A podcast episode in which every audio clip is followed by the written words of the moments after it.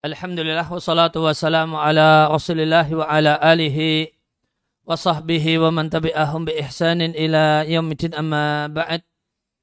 Kaum muslimin dan muslimah rahimani wa rahimakumullah kembali kita lanjutkan kajian tafsir Qisarul Mufassal dari kitab Taufiqul Alim karya Syekh Sa'id Al-Qahtani rahimallahu taala. Kita masih di surat Al-Kautsar pada ayat Inna syani'aka huwal abtar Sesungguhnya orang yang membencimu itulah orang yang terputus. Syani'aka artinya ai inna mubghidaka. Orang yang benci kepadamu wahai Muhammad dan membenci ajaran yang engkau bawa berupa hidayah, kebenaran, bukti yang terang dan cahaya yang jelas. Itulah al-abtar orang yang terputus, al-akal yang paling sedikit, yang paling hina, al-munqati'u dikruhu yang namanya itu tidak uh, awet dan langgeng. Uh, Ibn Abbas, Mujahid, Said bin Jubair dan Qutadah mengatakan bahwasanya ayat ini turun berkenaan dengan orang kafir bernama Al-As ibn Wa'il. Ini Muhammad ibn Ishaq mengatakan dari Yazid ibn Ruman, Qal Yazid bercerita bahasanya Al-As ibn Wa'il jika menyebut Rasulullah uh, jika uh, Idza Rasulullah sallallahu alaihi wasallam jika disebut nama Rasulullah Sallallahu Alaihi Wasallam beliau berkomentar da'uhu biarkan dia. Fa innahu rajulun abtar karena dia adalah orang yang terputus. La akibalahu tidak punya keturunan. Karena tidak, tidak punya keturunan yaitu keturunan laki-laki. Faida halaka jika dia meninggal dunia yaitu Muhammad itu meninggal dunia kata orang ini in qata'a dzikruhu maka namanya tidak akan disebut orang. Lantas Allah turunkan ayat ini. Atau Allah turunkan surat ini. Syamir ibn Atiyah mengatakan bahwasanya surat Al-Kautsar itu turun berkenaan dengan tokoh kekafiran, tokoh orang-orang kafir namanya Uqbah ibn Abi Mu'id. Waqala Ibnu Abbas aydan wa Ikrimah Ibnu Abbas dan Ikrimah mengatakan bahasanya surat Al-Kautsar ini turun tentang Ka'ab ibn Ashraf dan sejumlah orang kafir Quraisy. Dari Ibnu Abbas, Ibnu Abbas mengatakan Ka'ab ibn Al-Ashraf tiba di Mekah, lantas orang-orang Quraisy berkata kepada kepadanya, engkau adalah pemimpin penduduk Madinah Ala tara Tidakkah apa pendapatmu tentang ha ilahada orang itu? Al musonbir an munbatar min kaumihi. Terputus dari kaumnya. Ada kosakata muson, musonbar.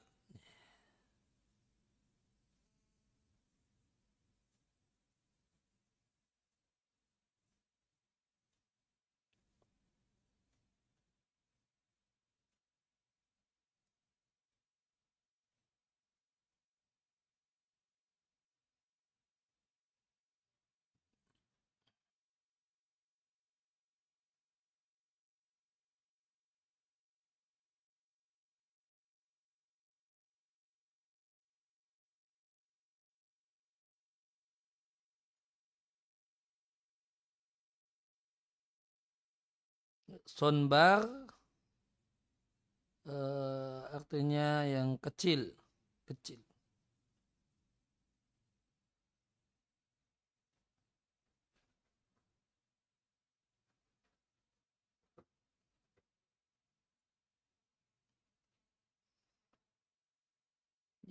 makna asalnya adalah uh, korma yang keluar dari batang yang lain tanpa ditanam.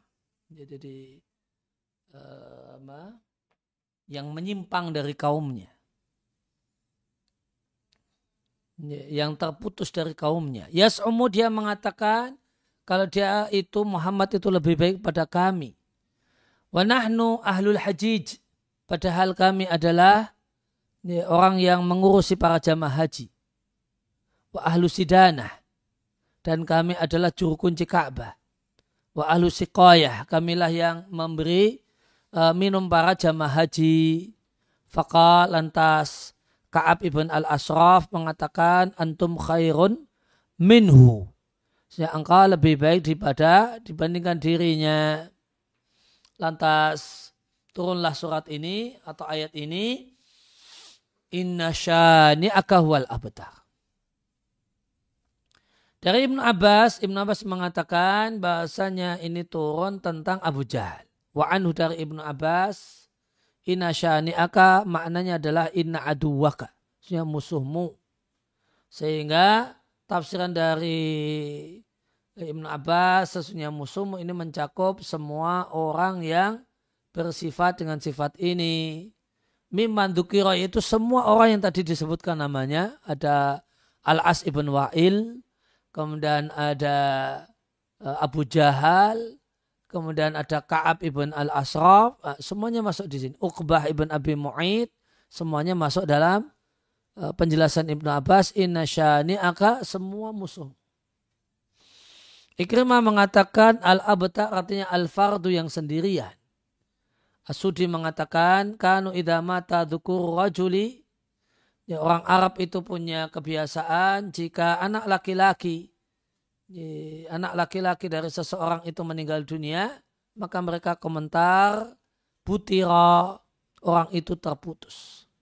Maka tatkala anak laki-laki Rasulullah Sallallahu Alaihi Wasallam meninggal dunia, orang-orang berkomentar butira Putira Muhammadun.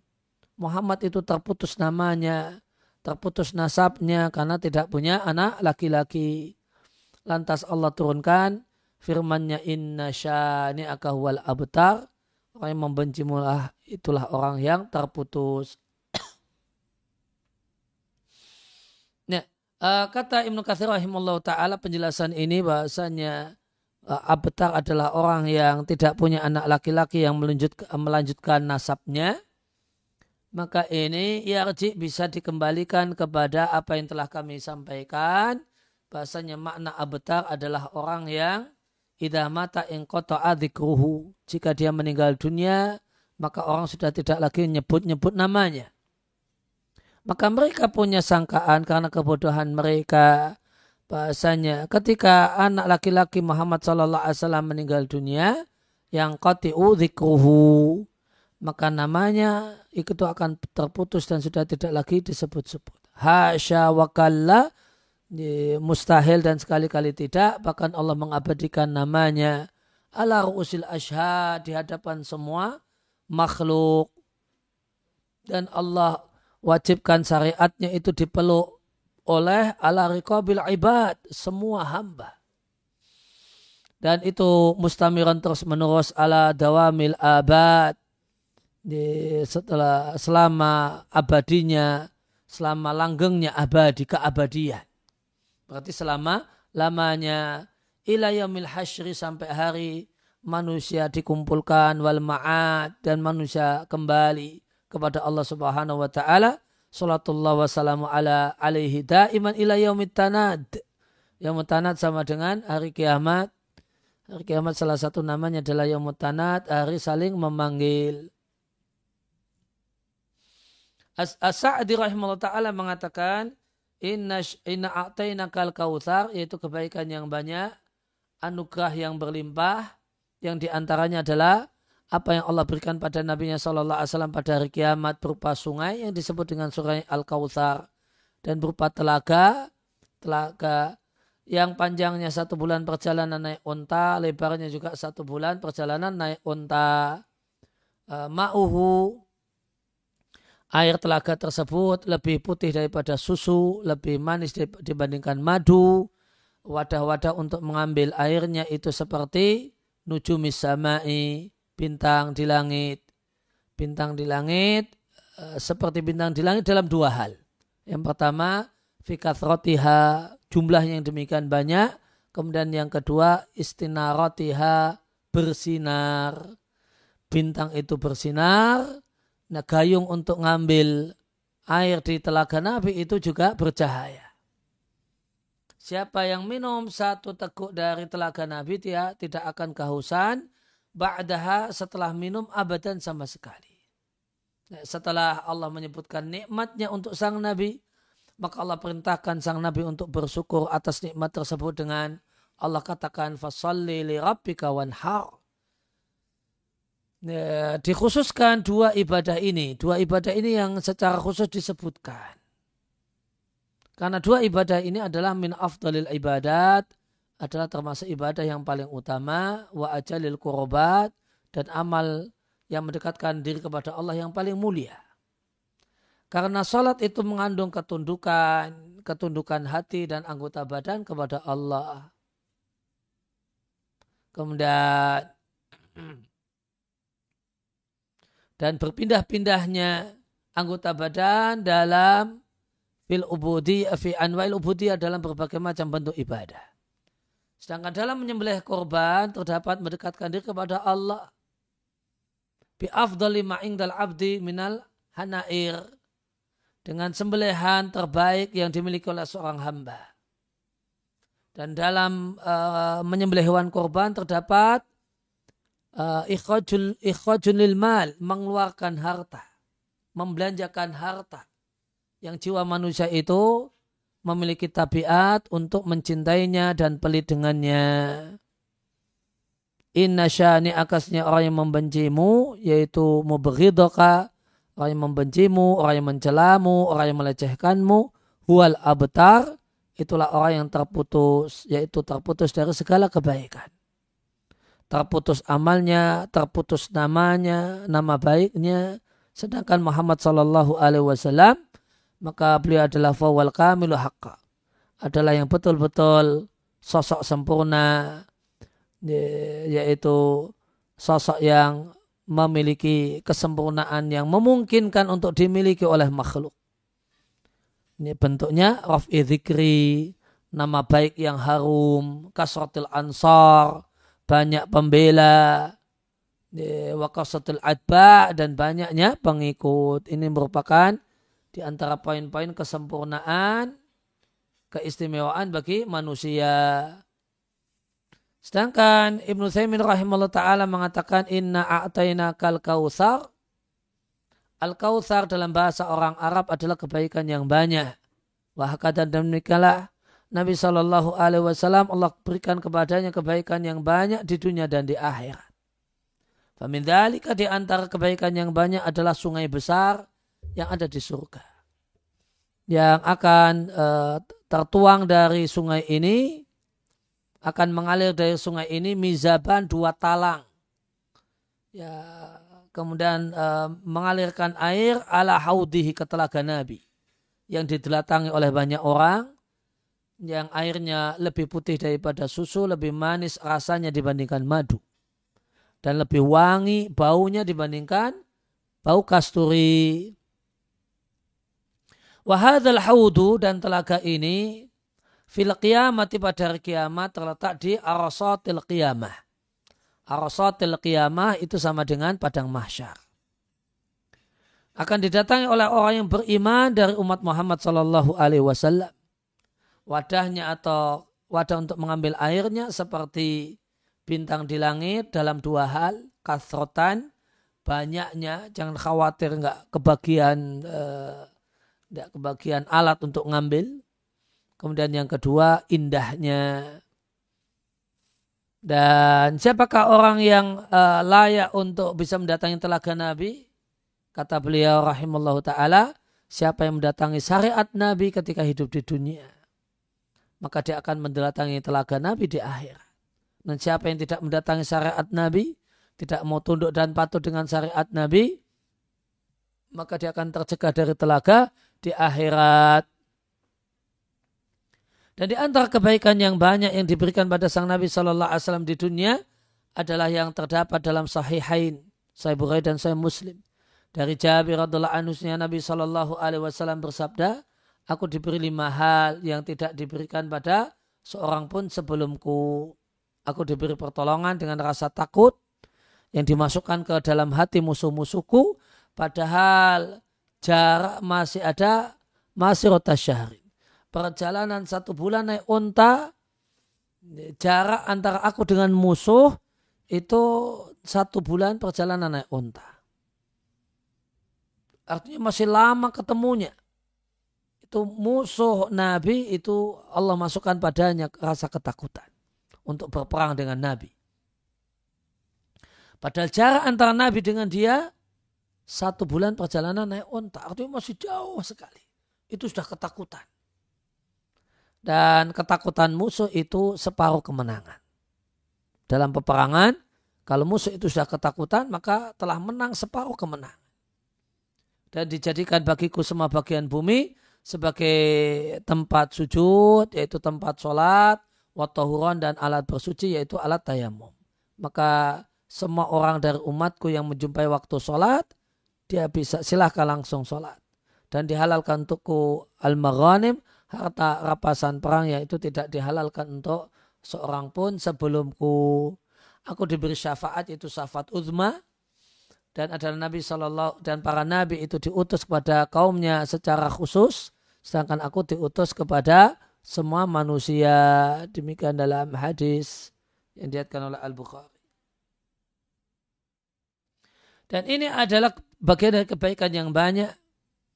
Karena diutusnya sang Nabi kepada semua manusia mengharuskan Nabi itu menjadi para uh, Nabi yang paling banyak pengikutnya. Wawakadalik dan demikianlah realitanya. Maka sang Nabi adalah orang yang paling banyak pengikutnya alaihi salatu wassalam. Dan satu hal yang telah diketahui bahasanya siapa yang menunjukkan pada kebaikan, maka dia seperti pelaku kebaikan. Dan yang menunjukkan pada umat ini, walladhi dalla hadil umat al-azimata, dan yang jadi penunjuk jalan bagi umat yang besar ini, yang banyaknya itu mengungguli umat-umat terdahulu adalah Muhammad Sallallahu Alaihi Wasallam. Maka berdasarkan hal ini, maka bagi sang Rasul Shallallahu Alaihi Wasallam, beliau dapat pahala semua orang dari umatnya. Min ajri kuli wahidin min ummatihi, pahala dari masing-masing umatnya, Nabi itu mendapatkan nasibun bagian. Padahal umat Nabi demikian banyak, tidak ada yang bisa menghitung umat Muhammad Sallallahu Alaihi Wasallam kecuali Allah Azza wa Jalla.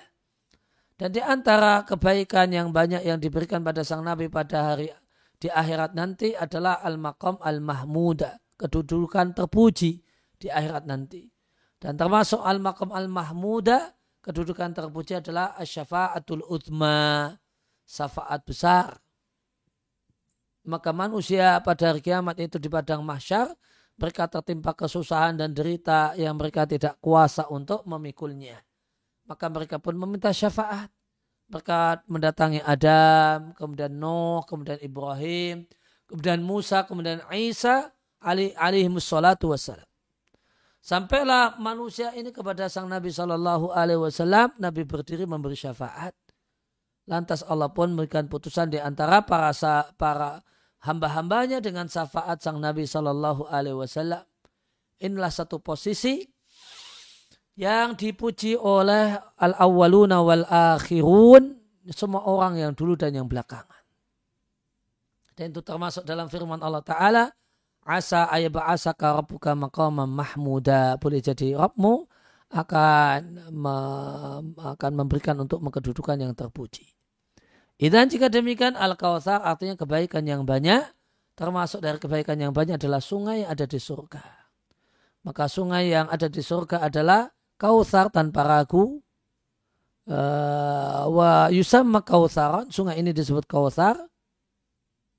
Namun ingat, sungai Kausar itu bukanlah satu-satunya yang diberikan oleh Allah kepada Nabi Muhammad Wasallam. Bukanlah satu-satunya kebaikan yang diberikan oleh Allah Subhanahu Wa Taala kepada Nabi Muhammad Sallallahu Alaihi Wasallam. Walamma setelah Allah menyebutkan anugerahnya kepada sang Nabi berupa kebaikan yang banyak, Allah katakan, Fasalli li rabbika wanhar. Ya, maka sholatlah karena Rabbmu dan sembelihlah hewan korban karena Rabbmu sebagai bentuk syukur kepada Allah atas nikmat yang besar ini. engkau sholat dan menyembelih korban karena Allah. Dan ini dimaksud dengan sholat di sini semua bentuk sholat. Dan sholat pertama yang termasuk di dalamnya adalah sholat yang bergandengan dengan penyembelihan hewan korban yaitu sholat Idul Adha. Namun secara makna ayat ini mencakup semua sholat umum, mencakup semua sholat. Fasali li rabbika, kerjakanlah sholat karena Rabbmu yaitu sholat yang fardu dan yang sholat yang sunnah. Di antaranya adalah sholat Id dan sholat Jumat. Wanhar sembilan korban yaitu takarab ilaihi bin nahar. Mendekatlah kepada Allah dengan menyembelih hewan korban. Dalam bahasa Arab itu sebenarnya nahar itu adalah salah satu bentuk cara menyembelih. Nahar itu khusus untuk menyembelih unta. Sedangkan untuk sapi dan kambing itu pakai cara disebut dabah. Nahar itu ditusuk, lehernya ditusuk sehingga masuk sampai ke jantung. Kalau digorok itu namanya dabah. Sehingga disebutkan dalam ayat ini nahar. Berarti identik dengan unta. Karena unta adalah lebih bermanfaat dibandingkan yang lainnya untuk orang-orang miskin. Oleh karena itu haji Nabi Shallallahu Alaihi Wasallam binatang yang Nabi hadiahkan untuk orang miskin tanah haram saat Hajatul Wada adalah 100 ekor unta. 63 Nabi sembelih sendiri dengan tangannya. Kemudian sisanya Nabi serahkan pada Ali bin Abi Thalib. Lantas Ali pun menyembelihnya. Dan uh, Nabi bersedekah dengan semua bagian dari uh, hewan haji tersebut kecuali but'atan uh, wahidatan satu kerat daging per unta.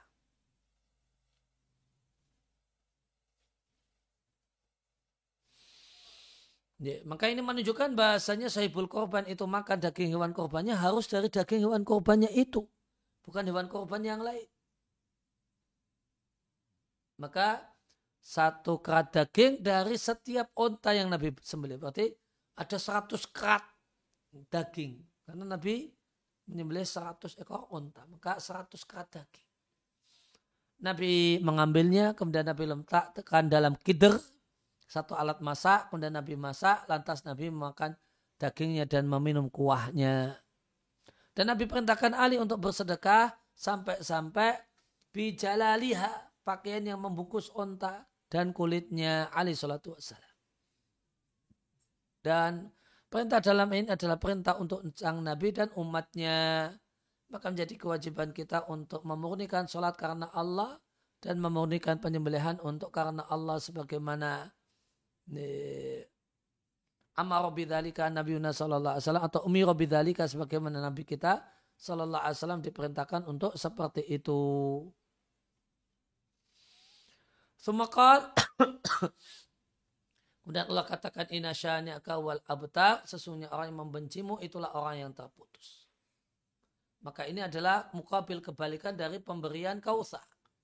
Allah katakan Ina syani'aka wal abtar syani'aka ay mubghiduka. Orang yang membencimu. Wasya'an artinya al-burdu benci. Contohnya, wala yajrimannakum syana'anu kaumin. Janganlah rasa benci kepada sekelompok orang. Itu yajrimannakum. Menjatuhkan kalian dalam dosa. Ansadukum anil masjidil haram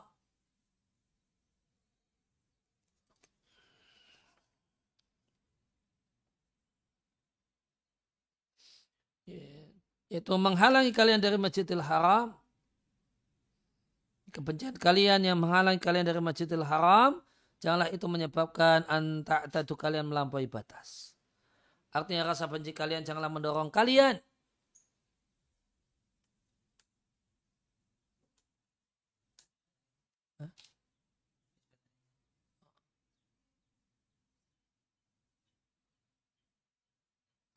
Artinya layah milannakum burduhum an ta'dadu.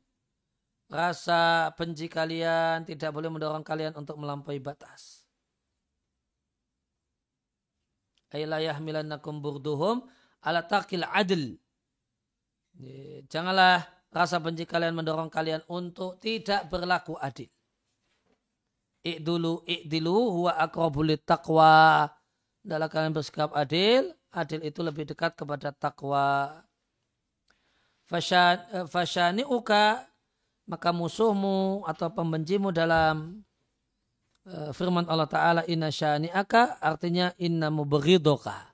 Orang yang membencimu huwal abtar itulah orang yang terputus. Abtar itu isim tafdil dari batara artinya kota'a memutus. Maka abtar artinya akta terputus. Yaitu orang yang terputus dari segala kebaikan. Hal ini karena orang-orang kafir Quraisy berkomentar Muhammad itu terputus tidak ada kebaikan pada dirinya dan tidak ada keberkahan pada dirinya. Tidak pula pada para pengikutnya. Dan Muhammad itu terputus tatkala anak Nabi Al-Qasim meninggal dunia. Kalau penduduk Mekah mengatakan Muhammad itu terputus tidak punya anak laki-laki. Atau tidak punya anak. Bahkan seandainya dia punya anak maka terputus nasal uh, keturunannya karena tidak punya anak laki-laki. Lantas Allah Azza wa Jalla menjelaskan bahasanya orang yang terputus adalah orang yang membenci sang Rasul alaihi salatu wassalam. Itulah orang yang terputus, terputus dari segala kebaikan. Orang yang tidak ada pada dirinya keberkahan. Kehidupannya adalah penyesalan untuk dirinya. Maka jika ini uh, untuk orang yang membenci sang membenci Nabi, maka ini juga berlaku untuk orang yang membenci syariat Nabi. Maka siapa yang membenci syariat sang Rasul alaihi salatu wassalam, atau membenci salah satu syiar Islam atau membenci ketaatan apa pun mimma yata'abbatu bi nasu yang manusia beribadah dengannya dalam agama Islam maka dia orang yang kafir keluar dari agama mengingat firman Allah Ta'ala dalika hal itu bi anam karihu ma angzalallahu fa'ahbatu a'malahu itu karena mereka membenci aturan-aturan yang Allah turunkan maka Allah hapus semua amal mereka dan tidak ada penghapusan semua amal kecuali karena kekafiran. Maka siapa yang membenci diwajibkannya sholat lima waktu dia kafir meskipun rajin sholat. Siapa yang benci disyariatkannya zakat maka dia kafir meskipun berzakat. Namun bedakan dua hal antara benci dan merasa berat. Lakin akan tetapi siapa yang merasa berat dengan syariat ma'adamil karahati tanpa ada kebencian terhadap disyariatkannya satu aturan, maka ini tidak membatalkan iman. Hanya saja padanya terdapat salah satu sifat kemunafikan. Akan tapi dia tidak kafir karenanya. Wafarkon bedakan dua, di antara dua hal. Antara orang yang istathqala syai' merasa berat dengan sesuatu. Dan yang kedua adalah man karya siapa yang benci sesuatu. itu benci disyariatkannya sesuatu. Dan jika demikian maka surat ini memuat penjelasan tentang nikmat Allah untuk Rasulnya Shallallahu Alaihi Wasallam dengan Rasul berikan badannya, dengan Allah berikan badannya kebaikan yang banyak. Setelah itu perintah untuk ikhlas karena Allah Azza wa Jalla saat sholat dan menyembelih hewan kurban. Demikian juga ibadah-ibadah yang lain. Kemudian kandungan yang ketiga penjelasan bahasanya siapa yang membenci sang Rasul alaihi salatu wassalam atau membenci salah satu syariatnya, maka dia adalah orang yang terputus, tidak ada kebaikan padanya, dan tidak ada keberkahan pada dirinya. Nas'alullah al-afiyata wassalamata. Kita mohon pada Allah agar diberi keselamatan dan keselamatan. Ya, demikian yang kita baca kesempatan kali ini wasallallahu ala nabiyina Muhammadin wa ala alihi wasallam wa akhiru da'wana alhamdulillahi rabbil alamin. Subhanakallahumma bihamdika asyhadu an la ilaha illa anta astaghfiruka wa atubu ilaik.